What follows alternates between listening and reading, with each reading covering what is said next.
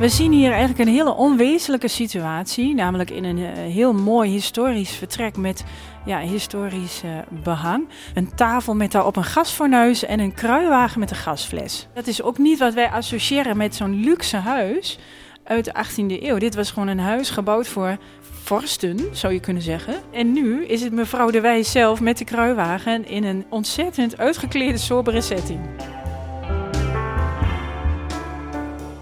Ja, de, de liefde voor kastelen en buitenplaatsen is natuurlijk wel iets breder dan tot 1550. Altijd al gehad. Ja, als kind al gehad. Ja, ik kwam er ook vaak en uh, ik las er veel over. En uh, ja, dat, dat vindt dan zo zijn weg.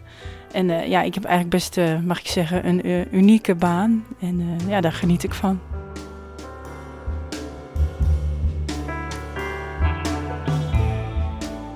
Welkom bij de podcast van de Vereniging Oud-Utrecht. Interviews met Utrechtse historici over hun fascinatie voor de geschiedenis van de stad. Samenstelling Arjan den Boer.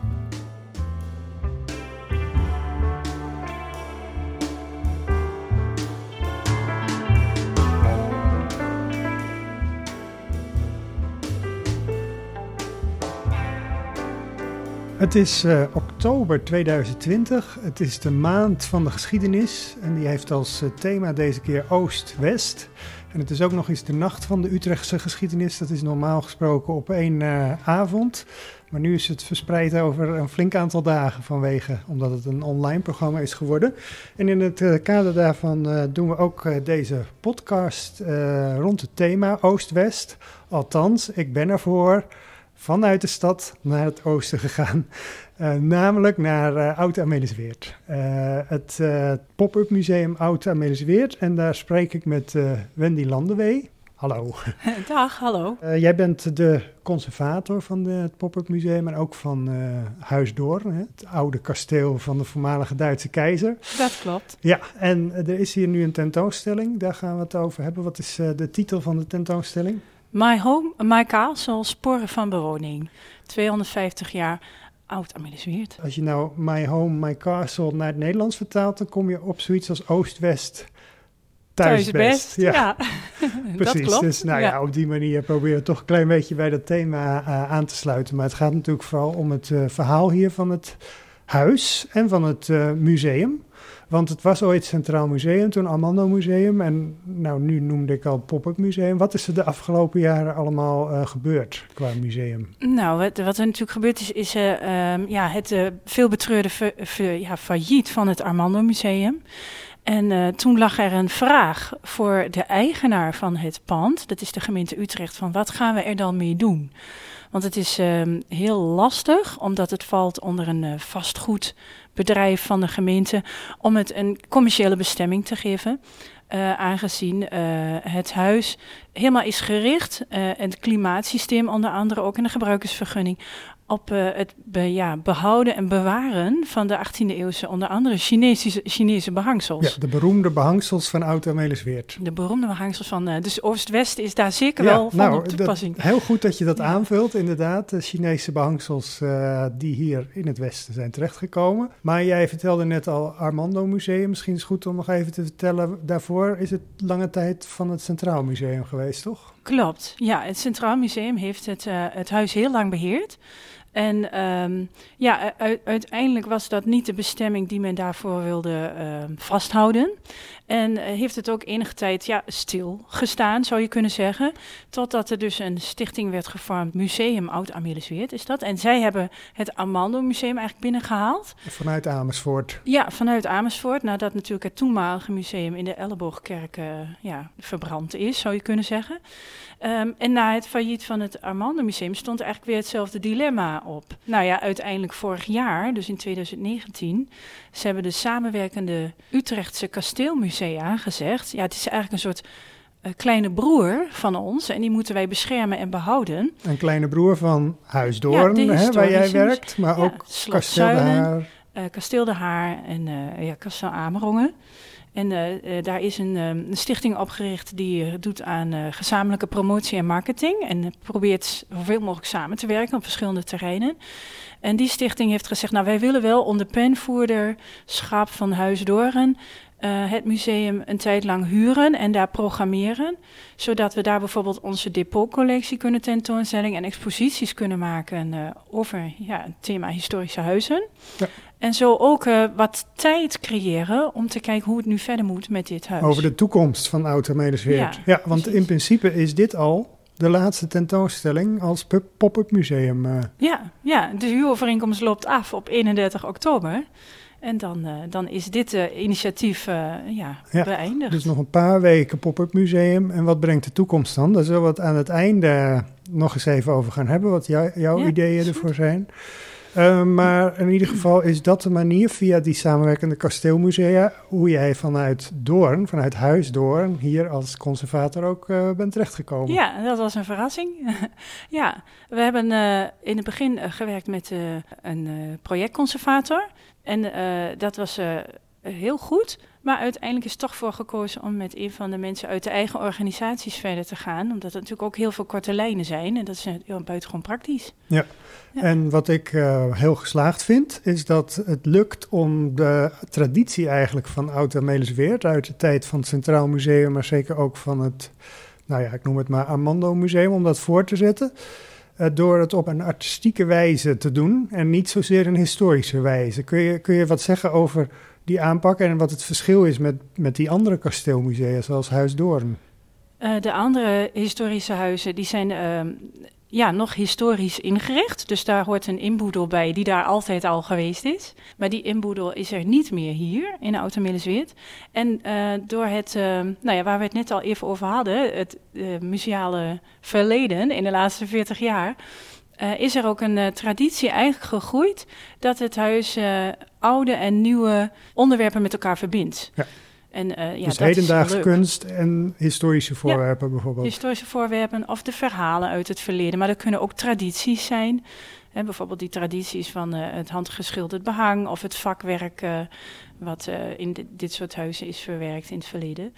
Um, nou ja, en daar wilden wij eigenlijk wel aan vasthouden, omdat het het eigen karakter is van dit historisch huis. En uh, het ook een mogelijk maakt om laagdrempelige tentoonstellingen te maken die passen bij nou ja, het hier in de omgeving recreërende publiek. Dus dat zijn uh, mensen die uh, in het bos wandelen en denken: hé, hey, we kunnen daar naar binnen. En dan wil je iets bieden wat een glimlach op het gezicht brengt. Ja, dus het is wat, wat lichtvoetiger misschien ja. dan zo'n historisch museum. Maar aan de andere kant is ook weer niet het, iedereen in hedendaagse kunst geïnteresseerd. Dus daar zit misschien nog een, uh, een spanningsveld. Ja, daar zit zeker een spanningsveld. En dat merk je ook wel, hè, want het ene project is dan weer beter bezorgd en valt weer beter uit dan het andere project. Maar ja, dat is natuurlijk ook iets wat wij vanuit historische huis hebben geleerd daaraan. Want het is toch een heel andere manier van presenteren en verhalen vertellen dan uh, dat we doen in, uh, in Huisdoorn bijvoorbeeld. En om een voorbeeld te geven, je hebt, komen we zo op, want we gaan zo een rondje lopen over de tentoonstelling. Maar uh, je hebt gebruik gemaakt van kunstwerken die in het verleden al voor deze plek zijn gemaakt. Maar je hebt ook nieuwe kunstenaars eigenlijk gevraagd om hier rond het thema thuis voelen, om iets te maken.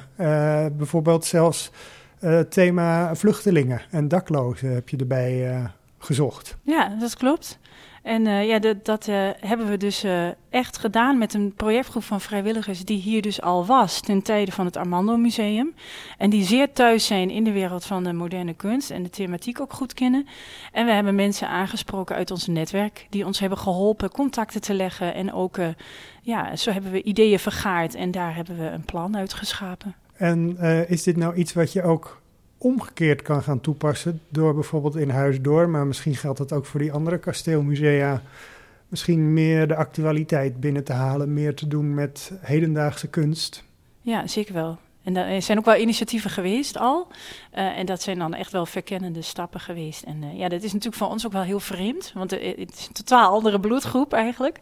Qua uh, bezoekers en vrijwilligers.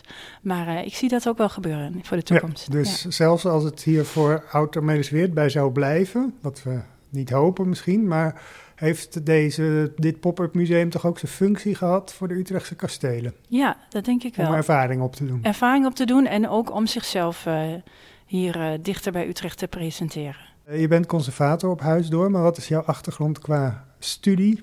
Ik ben uh, eigenlijk medievist. Dus dat is uh, middeleeuwen specialist. En dan vooral op het gebied van middeleeuwse kastelen. Um, historisch en een beetje bouwkundig. Maar mijn specialiteit is eigenlijk het kasteel als symbool. En dan vooral ehm, wat je tegenkomt in de toegepaste kunst. Dus de, de literaire werken en de, de kunstwerken, de wandtapijten, de boekverluchtingen.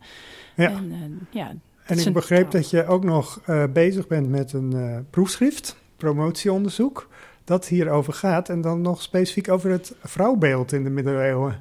Ja, de, dat is inderdaad een groot onderdeel van dat proefschrift. Um, uh, het gaat erom dat in de middeleeuwen het kasteel vaak het symbool was voor um, standvastigheid. En dat kon dan vaak twee kanten opgaan. De standvastigheid op gebied van je geloof, je, je geloofswaarden en je geloofsbeleving. Uh, maar natuurlijk ook de kuisheid.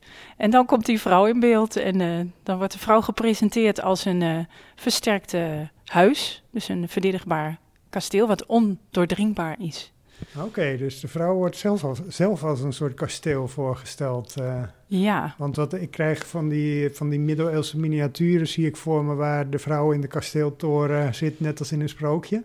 Maar uh, de symboliek gaat dus nog verder. Symboliek gaat zeker verder, ja. Er zijn uh, hele sprekende miniaturen uit de 14e eeuw. De roman de la Rose, waarin de vrouw wordt voorgesteld als een kasteel. En een ridder het kasteel bestormt en ook met zijn zwaard het kasteel doorboort. Nou ja, daar hoef ik verder denk ik niets aan toe te voegen. Dat laten we aan ieders eigen interpretatie over. Um, de middeleeuwen spelen natuurlijk hier wat minder een rol. En dat geldt ook voor Huis Doorn. Hè. Dat is toch vooral uit de 18e eeuw. En de tijd van de bewoning door de voormalige Duitse keizer. Kun je wel genoeg je ei kwijt uh, dan uh, in uh, Huis Doorn en hier? Ja, zeker. Want ehm, ja, de, de, liefde voor kastelen en buitenplaatsen is natuurlijk wel iets breder dan tot 1550. En elk uh, adellijk huis, en dat geldt uh, zowel voor dit huis als voor Doorn, heeft uh, vaak zijn voeten toch wel in de middeleeuwse aarde. Ja. Dus, ja. en waar komt jouw fascinatie voor kastelen en buitenplaatsen vandaan? Heb je die altijd al gehad? Altijd al gehad, ja. Als kind al? Als kind al gehad, ja. ja. Kwam je er ook vaak? Ik kwam er ook vaak en ik las er veel over. En ja, dat, dat, dat vindt dan zo zijn weg. En uh, ja, ik heb eigenlijk best, mag ik zeggen, een unieke baan. En ja, daar geniet ik van.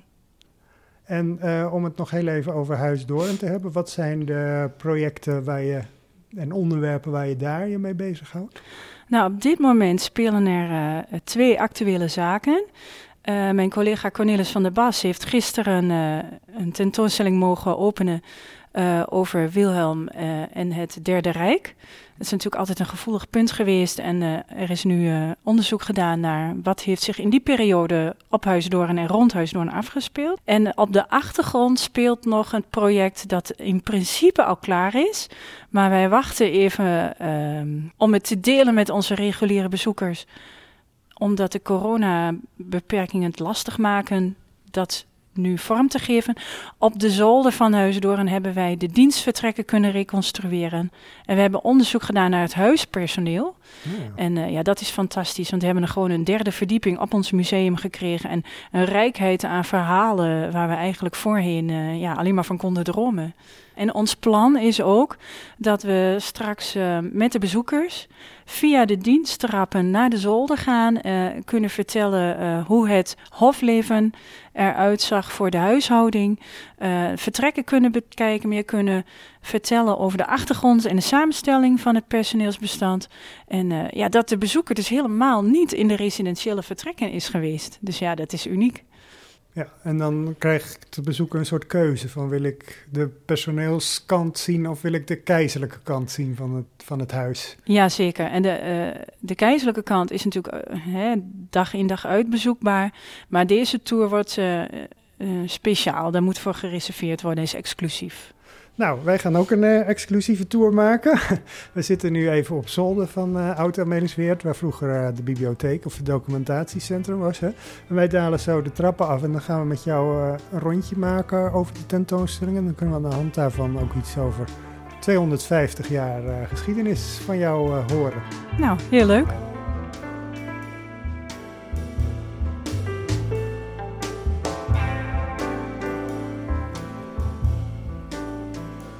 We zijn inmiddels uh, de trap afgegaan. We zijn in de eerste ruimte, de voormalige eetkamer van het huis uh, Oud-Amelisweert, uh, Wendy. Ja. Um, we gaan aan de hand van wat ruimtes de bewoners ook bespreken die hier gezeten hebben. Wie heeft Oud-Amelisweert eigenlijk laten bouwen? Oud-Amelisweert is gebouwd door baron Taats van Amerongen. En wanneer was dat? dat was 250 jaar geleden, in 1770. Hij had toen al hier het uitgestrekte landgoed in bezit en uh, ja, wilde daar een zomerhuis opzetten. Er stond nog geen huis. Er stond nog geen huis. Ja, dat wil zeggen, er, er, is wel in de bronnen sprake van dat er een huis is geweest.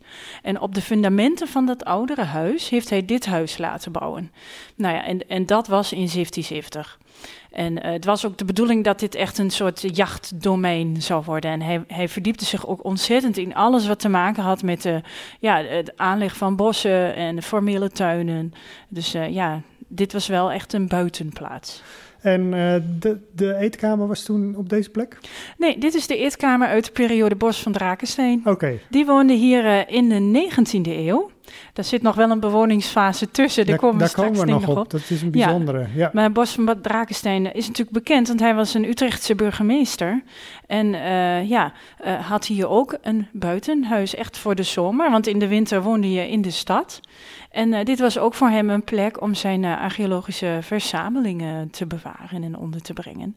Oké, okay, de ja. Utrechtse burgemeester had een eigen archeologieverzameling. Ja, dat klopt. En dat was zijn passie.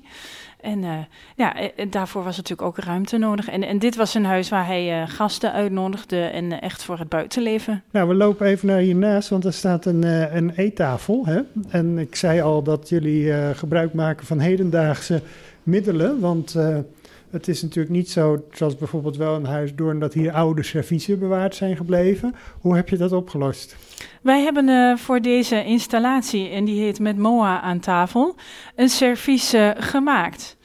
En uh, dit is een bijzonder servies, want het draagt letterlijk boodschappen uit van ja, onze beheerders en vrijwilligers. Die zijn erop geschreven. Ja, zij, ja, ze zijn uitgenodigd om een spreuk aan te leveren die hen na aan het hart ligt. En die hebben we op dit servies laten aanbrengen. Dat hebben we ook met mensen uit onze eigen groep gedaan, projectgroep gedaan.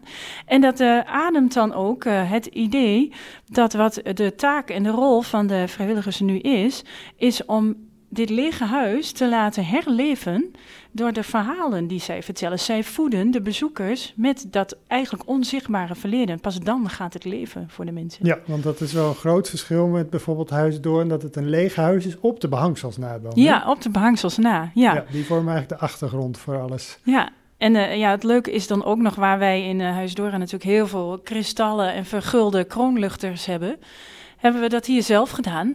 Oh, met behulp van uh, ja, onze vormgever Wouter van Leeuwen. En die heeft ons heel erg geholpen bij het maken van die installaties. Ik zal het even beschrijven. Het is een kroonluchter op het eerste gezicht. Nou, een, misschien een hedendaagse kroonluchter, maar hij is opgebouwd uit plastic bestek, hè? Ja, plastic bestek, ja. Doorzichtige lepels, vorken. En het, het is eigenlijk een prachtig effect. Die, uh, die lepels die hangen er zoals van die, van die druppelvorm onderaan. Een, uh, ja. Een kroonluchter, ja. Het is een uh, low-budget versie van een prachtige kroonluchter. En uh, ja, het leuke is dan dat, uh, dat het licht ook heel mooi weer schijnt op het historisch behang. Dus zo komen oud en nieuw eigenlijk in die kroonluchter weer bij elkaar.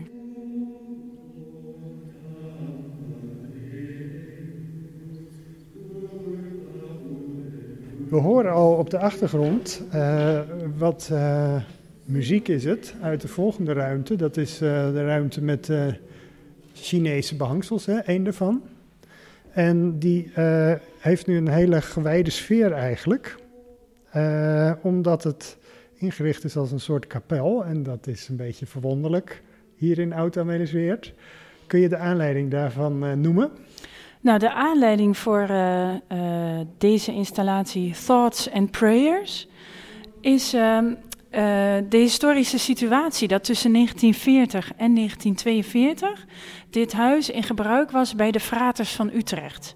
Zij hadden natuurlijk een uh, eigen, ja, noem het maar, seminarie, maar dat was gevorderd door de Duitse bezetter. En dat was in Zeist, hè? En dat was in Zeist, ja. En, en ze, ja, ze konden daar niet blijven, dus zij moesten naar een andere plek om uh, hun jongens op te leiden.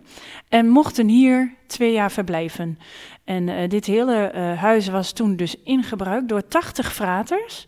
Dat kan je je bijna niet voorstellen dat hier 80 Waanzinnig. fraters hebben gezeten. Zij sliepen allemaal op zolder waar wij net zaten. Er stond een bed, bed aan bed, stond het daar. En dan uh, de ruimte hierboven, dat waren de leslokalen. En ook in het, het koetshuis um, ja, waren praktijklokalen ondergebracht. En dan hier op de begane grond, dan waren ja, de wat meer residentiële verblijven, dus de kapel, over twee vertrekken verdeeld. En uh, ja, het appartement van de rector. En uh, het behang was in die tijd afgeplakt, want het was natuurlijk heel frivol. Dus dat, de sfeer was hier wel heel sober. Nou, oh, even terugkomen op de, de installatie, hè, uh, die de kapel van de fraters op een hedendaagse manier verbeeldt. Dat is zo'n devotietafel met vaccinelichtjes, maar daar is iets bijzonders mee. Ja, hij is interactief. Dus als je hem benadert, dan. Uh... Ik zwaai nu mijn armen rond en uh, het licht gaat mee, zeg maar, de lampjes. Je krijgt dus het spiegelbeeld van jezelf. En hij is gemaakt door uh, Front 404.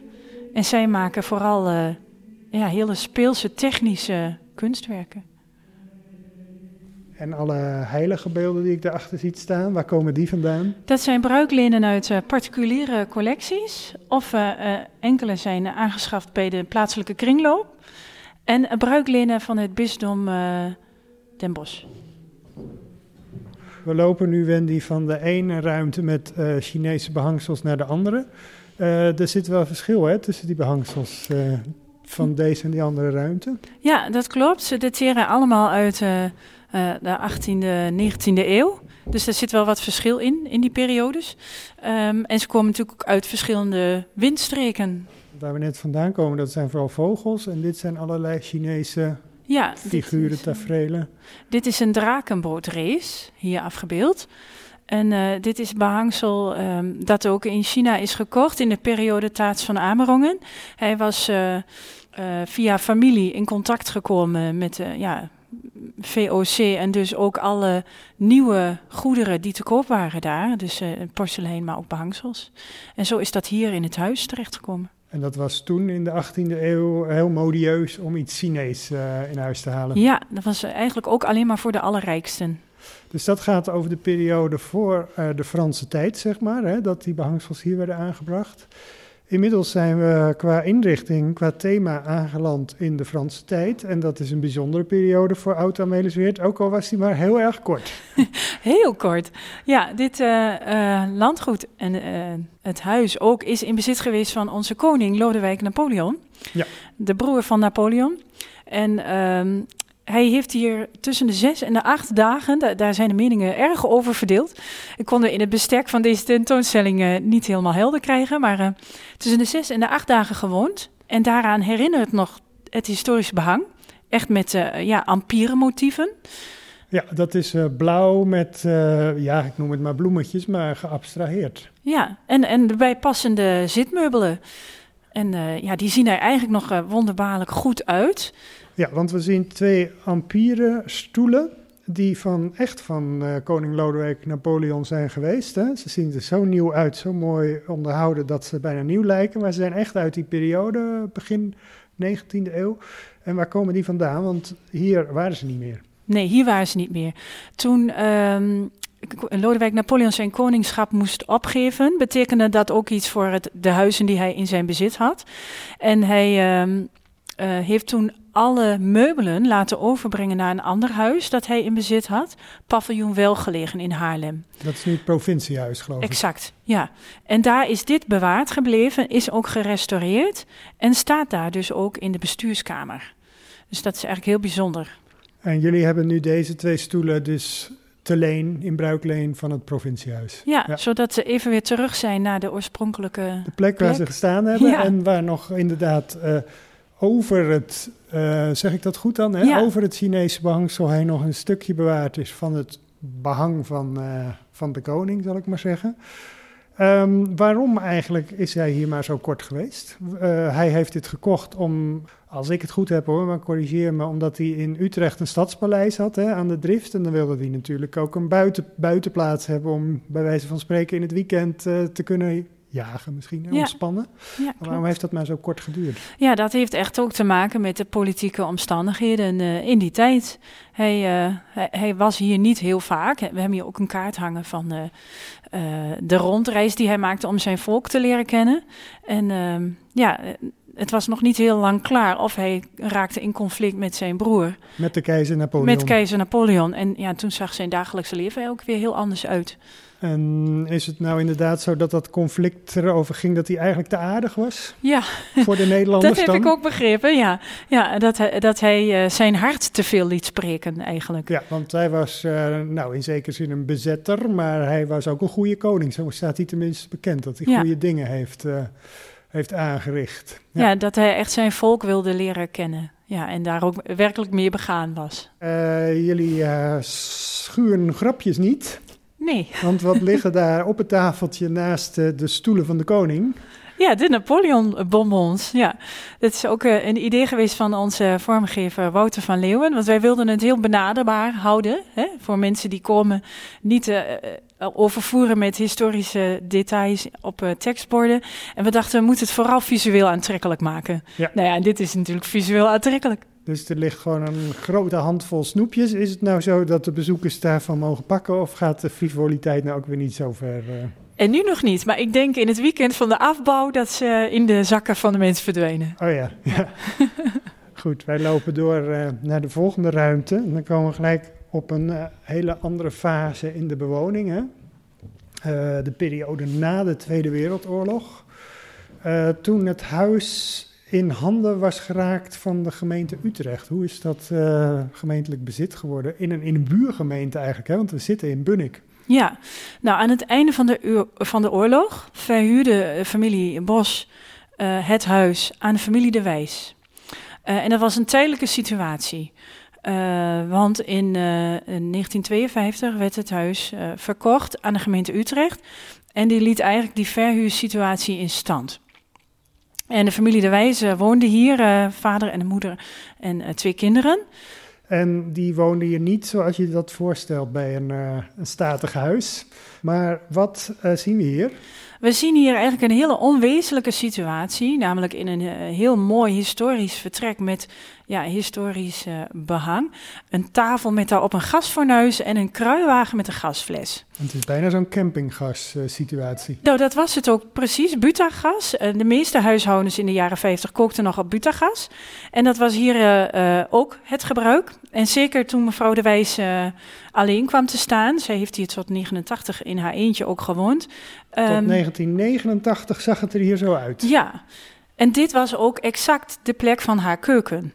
En waar de tafel staat, stond het gasfornuis. Dus iets wat wij nu, en dat is, daar gaat het eigenlijk over, het contrast tussen oud en nieuw. Nu zouden wij er niet meer over peinzen om in dit huis, op deze plek, een keuken in te richten. Maar dat was toen wel het geval. Zij bakte en zij braadde hier en er stond wel een soort spatschermpje achter het fornuis om de bangsels te beschermen. Maar het is eigenlijk heel onwezenlijk. En dan ook nog koken op gas met een gasfles. Nu zouden we zeggen totaal onveilig, niet meer doen. En eh, ja, wat er gebeurde als de gasfles leeg was, daar zijn ook foto's van. Ja, want er staat hier zo'n grote gasfles in een kruiwagen. Ja, dan moest zij met de kruiwagen door het huis om een nieuwe fles te halen. En dat is ook niet wat wij associëren met zo'n luxe huis uit de 18e eeuw. Dit was gewoon een huis gebouwd voor, ja, vorsten, zou je kunnen zeggen. Met En- heel veel personeel. Ja, en, en nu is het mevrouw de Wijs zelf met de kruiwagen in een ja, wat ontzettend uitgeklede, sobere setting. Er zijn ook eh, foto's van, hè? Eh, Ja. kleuren, stereo kleurenfoto's zelfs, eh, waarvan jullie dit hebben kunnen nabouwen. Want de man en de zoon, de wijs, dat waren een soort uitvinders. Ja, het was een bijzonder gezin. Meneer de Wijs was een pionier in de rubberindustrie. Hij was ook al heel vroeg eh, vertegenwoordiger voor eh, ja, de, de rubberproducenten in Nederland. Reisde ook rond. Maar hij was zelf ook eh, chemicus. Dus de keuken hier in het huis was meer een soort laboratorium. Oh, dus vandaar dat mevrouw de wijs hier moest koken. Ze was verbannen, ja. dat weet ik niet hoor. Maar er- zijn ook wel verhalen bekend dat zich daar wel eens wat ongelukken hebben afgespeeld met ontploffingen en chemische mengsels. En op de zolder, daar uh, knutselde uh, de jongen de wijs aan uh, zijn brommers. En hij heeft daarmee ook de pers gehaald, want hij reisde met zijn brommer de wereld rond. En hij maakte ook stereofoto's, geloof ja, ik, hè? hij maakte die zelf en hij maakte die camera's ook zelf. En dat is ook in de familie gebleven. Dus nu is er ook nog een meneer De Wijs die daar echt wereldwijd op dat gebied van stereofotografie actief is. Ja, en die foto's die zijn bewaard gebleven van toen het hier nog bewoond was. Uh, bij een vorige gelegenheid waren die hier ook te zien in zo'n stereokijker. En dan komt het echt tot leven, omdat je dan ook nog de rest van de inrichting ziet. Hè? Nu zien we alleen maar de keuken eigenlijk. Ja, het is echt uniek, want dan zie je dat al die vertrekken met dat historisch behang... zijn volgezet met meubelen en om, ja, een soort antiquarische setting. Echt heel, ja. Uh, ja, heel leuk om te zien. Ja. ja. Wij gaan eens even naar boven toe, waar uh, eigenlijk kunst te zien is, hedendaagse kunst, maar ook kunst uit de periode dat. Uh, ga jij voor? Ja. kunst uit de periode dat het hier uh, door het Centraal Museum beheerd werd. Dat was geloof ik vanaf 1990 ongeveer. Ja, zeker. En daar uh, horen we al de geluiden van een filmfragment van de film Tazio van Erwin Olaf. En die film is hier in uit Amelisweert opgenomen. Ja, dit was in de periode dat hier een aantal kunstenaars uh, woonden en de bedoeling was ook werkten. En toen het eind van de opdrachtperiode in zicht kwam, moest er nog een kunstwerk komen. En uh, Erwin Olaf en Frans Franciscus hebben samen met uh, Theo van Gogh een film gemaakt. Een beetje een absurdistische film. We zien nu een motorfiets uh, op een draaischijf uh, met op de achtergrond de Chinese behangsels. Ja, dat klopt. En daarbij is het huis dus decor. En de film gaat over een aantal acteurs dat zich voorbereidt op filmopname. En in deze ruimte hangt geloof ik het affiche nog hè, van de film. Ja.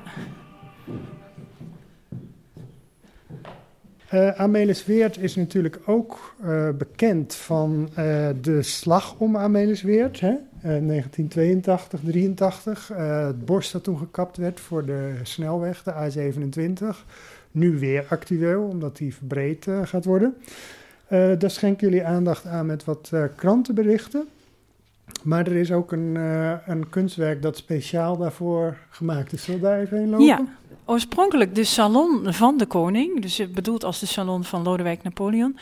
Uh, maar nu is deze ruimte omgedoopt tot de Marieke Bolhuiskamer. En Marieke Bolhuis was ook een van de kunstenaars die in de periode dat het Centraal Museum het huis beheerde hier heeft uh, gewerkt. En haar werk is heel sterk geïnspireerd op die slag om Amelisweert. Ja, want heel concreet, we zien eigenlijk sporen van autobanden op het behang. Maar dan op een ja, esthetische manier. Ja, eigenlijk wat zij willen laten zien is uh, die bandsporen die rijken naar de hemel. Alsof het bomen zijn. En de bomen moeten wijken voor uh, ja, de moderniteit van het autoverkeer. En er dwarrelen nog wat blaadjes naar beneden. Maar ja, de strekking is natuurlijk wel, uh, ja, het bos is weg. Ja, verdrongen door de auto. Ja. En uh, nu uh, zien we dat het hier echt inderdaad voor gemaakt is, want het past precies tussen de ramen. Hè? Maar we zien ook dat uh, de andere helft van de kamer nog leeg is. Hoe dat kan klopt. dat? Ja, het was een, een project, een kunstproject dat de hele kamer bekleedde, ook het plafond. Dus daar hoorde ook een plafondschildering bij. Oké. Okay. En uh, op een gegeven moment in uh, de jaren uh, nadat het werk is geproduceerd, is besloten om het hier weg te nemen, om de ruimte geschikt te maken voor ander gebruik. Um, en daardoor is het werk gescheiden geraakt. Dus de een helft van het werk is nog in het beheer bij Marieke Bolhuis, dat zien we nu. En de andere helft ligt nog in het depot van het Centraal Museum en konden we eigenlijk niet opnieuw plaatsen. Um, en wij hopen natuurlijk wel dat het weer bij elkaar komt. Er wordt ook nu over gesproken, omdat als ons huurcontract afloopt en alles moet geretourneerd worden, dat dit niet naar uh, Marieke Bolhuis teruggaat, maar naar het Centraal Museum. Ja, zodat dat het, het kunstwerk ja. compleet wordt bewaard. Ja, maar het precies. helemaal mooi zou zijn als het hier weer uh, uh, aangebracht kan worden. Ook ja, het zou prachtig zijn, toch? Ja, ja. want het is echt... ja, het hoort bij... Het, het is echt de ultieme connectie tussen het huis en de omgeving. Ja. ja, en waar we het net al over hadden, het is weer actueel. Ja, ja. En dat uh, was ook voor uh, Marieke Balhuis een reden om wel weer uh, deel te nemen aan dit project. Want het is voor haar dus ook heel persoonlijk geworden. Nou, zeg je oud Amelisweert, dan zeg je behangsels. Hè? vanaf de 18e eeuw tot, tot bijna heden eigenlijk. en hiernaast is er een uit de periode van de, nou ik noem het maar Armando Museum, Museum Oud Amelisweert. Nou, dit is eigenlijk uh, in uh, verschillende manieren bijzonder werk. Het is uit 2018, dus uit het faillissementsjaar. En sterker nog uit de periode dat het museum ook failliet is gegaan. De tentoonstelling Flower Power was aanleiding voor het museum om Snijder en Co. de opdracht te geven een nieuw behangsel te ontwerpen. Hand, handgeschilderd, dus met technieken van toen weer een nieuw werk te ja, maken. Want dit, nou, de stijl is wel iets anders, maar het lijkt eigenlijk verrassend veel op dat Chinese behangsel met die vogeltjes beneden. Hè? Ja, dat was de inspiratiebron. En dan met mussen. Ja, miesjes zie ik ook. Ja, van alles. Ja. ja. En ik begreep dat eigenlijk voor uh, de makers dit ook het begin geweest is van een soort nieuwe behangcarrière. Ja, klopt. Zij hebben natuurlijk onderzoek gedaan uh, naar die methoden en technieken uit het verleden en hebben zich dat helemaal eigen gemaakt. En dat is nu uh, eigenlijk ja, hun echte professie geworden. Dus zij doen dit nu voor particuliere bewoners die zo'n... Ja, zij ontwerpen handgeschilderde behangsels op maat. Ja, en dat is dus voortgekomen uit de opdracht die ze hier kregen van ja. het museum. Dat is toch mooi. Ja, dus dat was voor hen ook wel een reden om uh, ja, de bruikleenaanvraag uh, toe te kennen. Want dit is een werk uit eigen bezit. Omdat hier voor hen ook uh, ja, heel persoonlijk gevoel aan zijn grondslag ligt. Ja, ja, maar je zou dus kunnen zeggen dat de historische behangsels van oud Amelis Weert ertoe hebben geleid dat er nu weer mensen zijn die handgeschilderde behangsels bestellen. Ja, absoluut. Ja. Mooi. We hadden het net al even over de periode van het uh, Armando Museum. Uh, officieel Museum Oud Amelis Weert uh, genoemd, hè, maar natuurlijk met de collectie van Armando als kern. En ook op deze tentoonstelling hangt er weer een Armando. Dat klopt. Ja, wij wilden ook een verwijzing maken naar die periode uit de geschiedenis van het huis. Want het is ook heel bepalend geweest voor ja, hoe, hoe de restauratie heeft plaatsgevonden en hoe het huis nu is zoals het is. En hier hangt de landschaft van Armando uit de particuliere collectie in Breuklin. Ja, en bij Armando dan is het vaak een beetje donker en dreigend. En deze zou bij wijze van spreken een bloesem tafereel kunnen zijn. Ja, het is een heel uh, ja, bijna zachte, dromerige blik op een, ja, ik zou bijna willen zeggen, een heuvel met begroeiing. Inderdaad, roze-rode bloesems ja. met een wat, wat nevel. Ja. Was dit nou niet de slaapkamer van de koning ooit? Ja. Waar we nu zijn, op de hoek, hè? Ja. We hadden net al uh, een van de kunstenaars die hier in de tijd van het Centraal Museum heeft uh, vertoefd. En uh, jullie hebben een andere gevraagd om iets nieuws te maken. Nou, hebben wij niet gevraagd, maar is ons aangeboden. Dus dat was Helemaal mooi. Ja, een hele bijzondere samenloop van omstandigheden. Wij waren in gesprek met Frans Franciscus. En ik werd uitgenodigd om hem te bezoeken in zijn atelier. En hij was daar in de ja, coronatijd eigenlijk ook net als veel van ons uh, ja, geïsoleerd, alleen aan het werk. Ja. En uh, hij vertelde over een periode dat hij um, in China is geweest. Um, om daar uh, te werken met ja, lokale kunstenaars, maar ook methoden en technieken op het gebied van maken van keramiek. En ja, porselein. porselein. Ja. ja. En hij vertelde hoe hij daar werkte aan grotere projecten, maar in de momenten die vrij vielen, ging hij daar op de lokale markt, keramiekmarkt, eigenlijk kant-en-klare borden kopen, die dan alleen nog maar afgewerkt hoefden te worden. En hij maakte daar een dagboek. Dat is een soort voorgebakken brood eigenlijk. Ja, precies. Hoeft alleen nog maar nou ja. Alleen nog maar de oven. Ja, precies. Toch even zo met de kwastje erover klaar. Ja. En uh, hij kocht die borden en hij gebruikte ze als een soort dagboek en beschilderde daar eigenlijk de dagelijkse dingen op. En dat heeft hij meegenomen naar Nederland. En in de coronaperiode heeft hij dus op borden die hij zelf maakte, want hier heb je niet die keramiekmarkten met dat nou ja, halfbakken materiaal, zeg maar. Um, heeft hij dat zelf gedaan en heeft hij zijn dagboek, zijn coronadagboek daarop bijgehouden. Dus alles wat hem te binnen schoot of wat associaties die hij maakte. Ja, want kun je wat voorlezen wat erop staat? Um, wij dansen samen de corona. Ja, ik weet niet of ik daar iets over mag vertellen. Want Ja, ja. Het is wel heel grappig. Want ik dacht, in het begin dacht ik, ja, wat is dat dan? Bij dansen, de corona. Maar toen had ik zelf een cursus. En mijn docent die zei, ik heb de museumdans gedaan in het weekend. Dus wij hadden allemaal, ja, wat is dat dan, museumdans? Nou, ze zei, dat is dat je in een museum komt en dat je allemaal dat schilderij wilt zien, maar je moet op anderhalve meter afstand blijven. Dus je manoeuvreert zo Ja. wat om elkaar heen. Ja, ook in de winkels zijn we vaak eh, een beetje om elkaar heen aan het dansen. Ja, ja. dus dit, dat is dit. Wij dansen de corona. Ja. Maar ook, eh, ja, ik stond erbij en ik keek ernaar met een, eh, ja, een, Ja, zo'n zo'n Coronapak coronavirus. ja.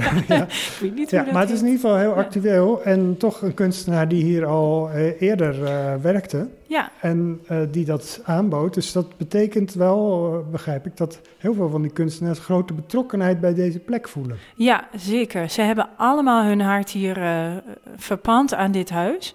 En kijken ook wel echt met zorg naar, ja, hoe gaat het verder? En eh, dit is eigenlijk eh, ook voor hen een manier om die betrokkenheid te, te uiten. Wendy, in deze ruimte hangen grote foto's van vervallen landhuizen in het buitenland, denk ik. Eh, dat noemen ze wel urban exploring, hè? dat eh, fotografen zo'n eh, leegstaand huis binnendringen. Eh, wie hebben deze foto's gemaakt? Eh, rechts zien wij werken van eh Selina Dorrestein uit Soest. En eh Wiegel Worseling, een Brabants fotograaf. En eh, zij doen inderdaad allebei eh, vergelijkbaar hetzelfde. Zij eh, zoeken leegstaande panden op. Niet altijd historische huizen, maar eh, leegstaande panden. En leggen daar het verval vast. Dus wat gebeurt er als een huis geen bestemming meer heeft en niet meer wordt gebruikt? En het tegenstrijdige is dat dat eigenlijk esthetisch hele mooie beelden oplevert. Ja, ja, het, is ook wel, eh, ja, het knaagt ook wel ergens bij ons. Want eh, ik- de foto's zijn prachtig om te zien. En je, je gaat je automatisch ook afvragen van hoe heeft het zo ver kunnen komen? Hè? Waarom zorgt er niemand voor dat prachtige Italiaanse landhuis dat nu op, op instorten staat? Ja, Ja. je ziet zo'n eh, imposant trappenhuis helemaal vervallen, afgebladderde verf. Ehm, nou hebben jullie dit vast niet eh, zomaar gekozen. Ehm, is dit ook een beetje een, een waarschuwing van zo moet Oud-Amelisweert er niet in de toekomst bij komen te staan? Ja, ja, wij wilden wel een beetje prikken, want eh, wij, zijn natuurlijk als eh, Stichting Samenwerkende Kastelen Utrecht hier ingestapt omdat wij zagen hier ontstaat een probleem. Er is nog geen definitieve culturele bestemming duurzaam voor dit huis. En ja, dit, dit kan een vooruitblik zijn. Wij hopen het niet. En natuurlijk in de Nederlandse situatie zal dit ook niet snel gebeuren. Maar eh, ja, eh, eh, dit is een soort vergezicht van ja, als een monumentaal pand geen gebruik meer kent, dan loert het verval en de achteruitgang en dat wil je niet.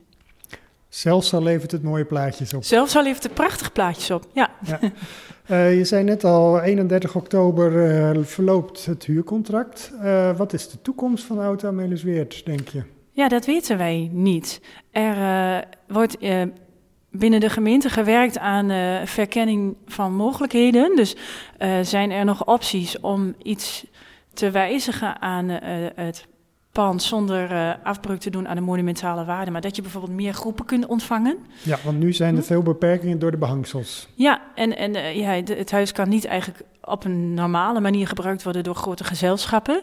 En dat maakt natuurlijk ehm, ja, een eh, verdienmodel lastig. Ja, en Ja. Wat, wat zou jouw eh, toekomstvisioen zijn voor Oud-Amelisweert? Nou, wij hebben wel begrepen, en die berichten komen natuurlijk ook eh, vooral bij onze directeur Herman Sietsma, dat er heel veel groepen zijn in de omgeving Utrecht die een cultureel doel dienen en ook wel ideeën hebben. Alleen daar mist het geld.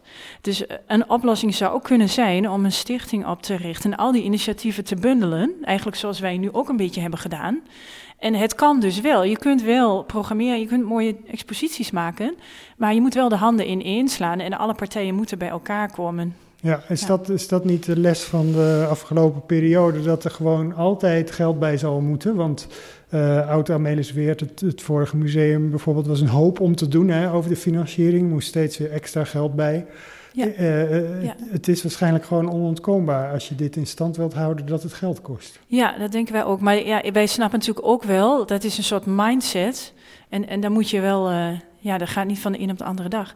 Maar ik denk dat dat besef is wel helder. Zoals het nu is, kan het niet het geld opleveren dat gewenst wordt. Uh, en het kan niet tegelijkertijd ook een opengesteld huis zijn. En zou het jouw voorkeur hebben om het weer een museum te maken of zie je het ook wel breder? Dat ja, allemaal... ik denk zeker breder. Want er zijn heel veel mogelijkheden. Hè? Je kunt de, uh, de zolder bijvoorbeeld is heel geschikt voor vergaderen, voor lezingen, filmvertoningen, symposia. Denk je natuurlijk wel buiten coronatijd, hè? Ja, want nu is het helemaal lastig. Maar uh, ja, de, er zijn denk ik heel veel mogelijkheden denkbaar.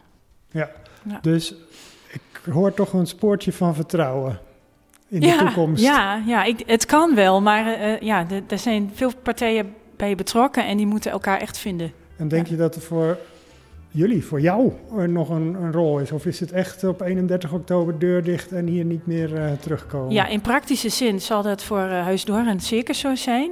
Maar ik weet wel dat, uh, dat wij in ons hart betrokken willen blijven. In ieder geval wel adviezen kunnen geven en kunnen helpen. Ook alleen niet meer op deze manier in de echte praktische, uitvoerende zin en uh, als penvoerder uh, fungeren. Nee, maar je blijft er uh, betrokkenheid bij voelen, begrijp Ja, ja, oh zeker. Het, het Automuseum heeft ons hart gestolen. Ja, ja.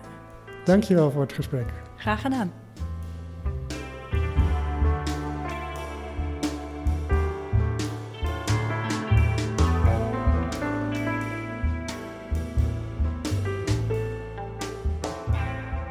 Je hebt geluisterd naar de historische podcast van de Vereniging Oud-Utrecht.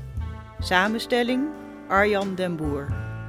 Meer afleveringen en abonneren via www.oud-utrecht.nl. Daar vind je ook onze agenda en andere publicaties.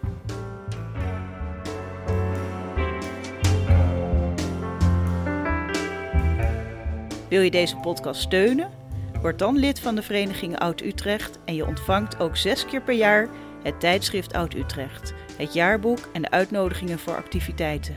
Meer informatie www.oud-utrecht.nl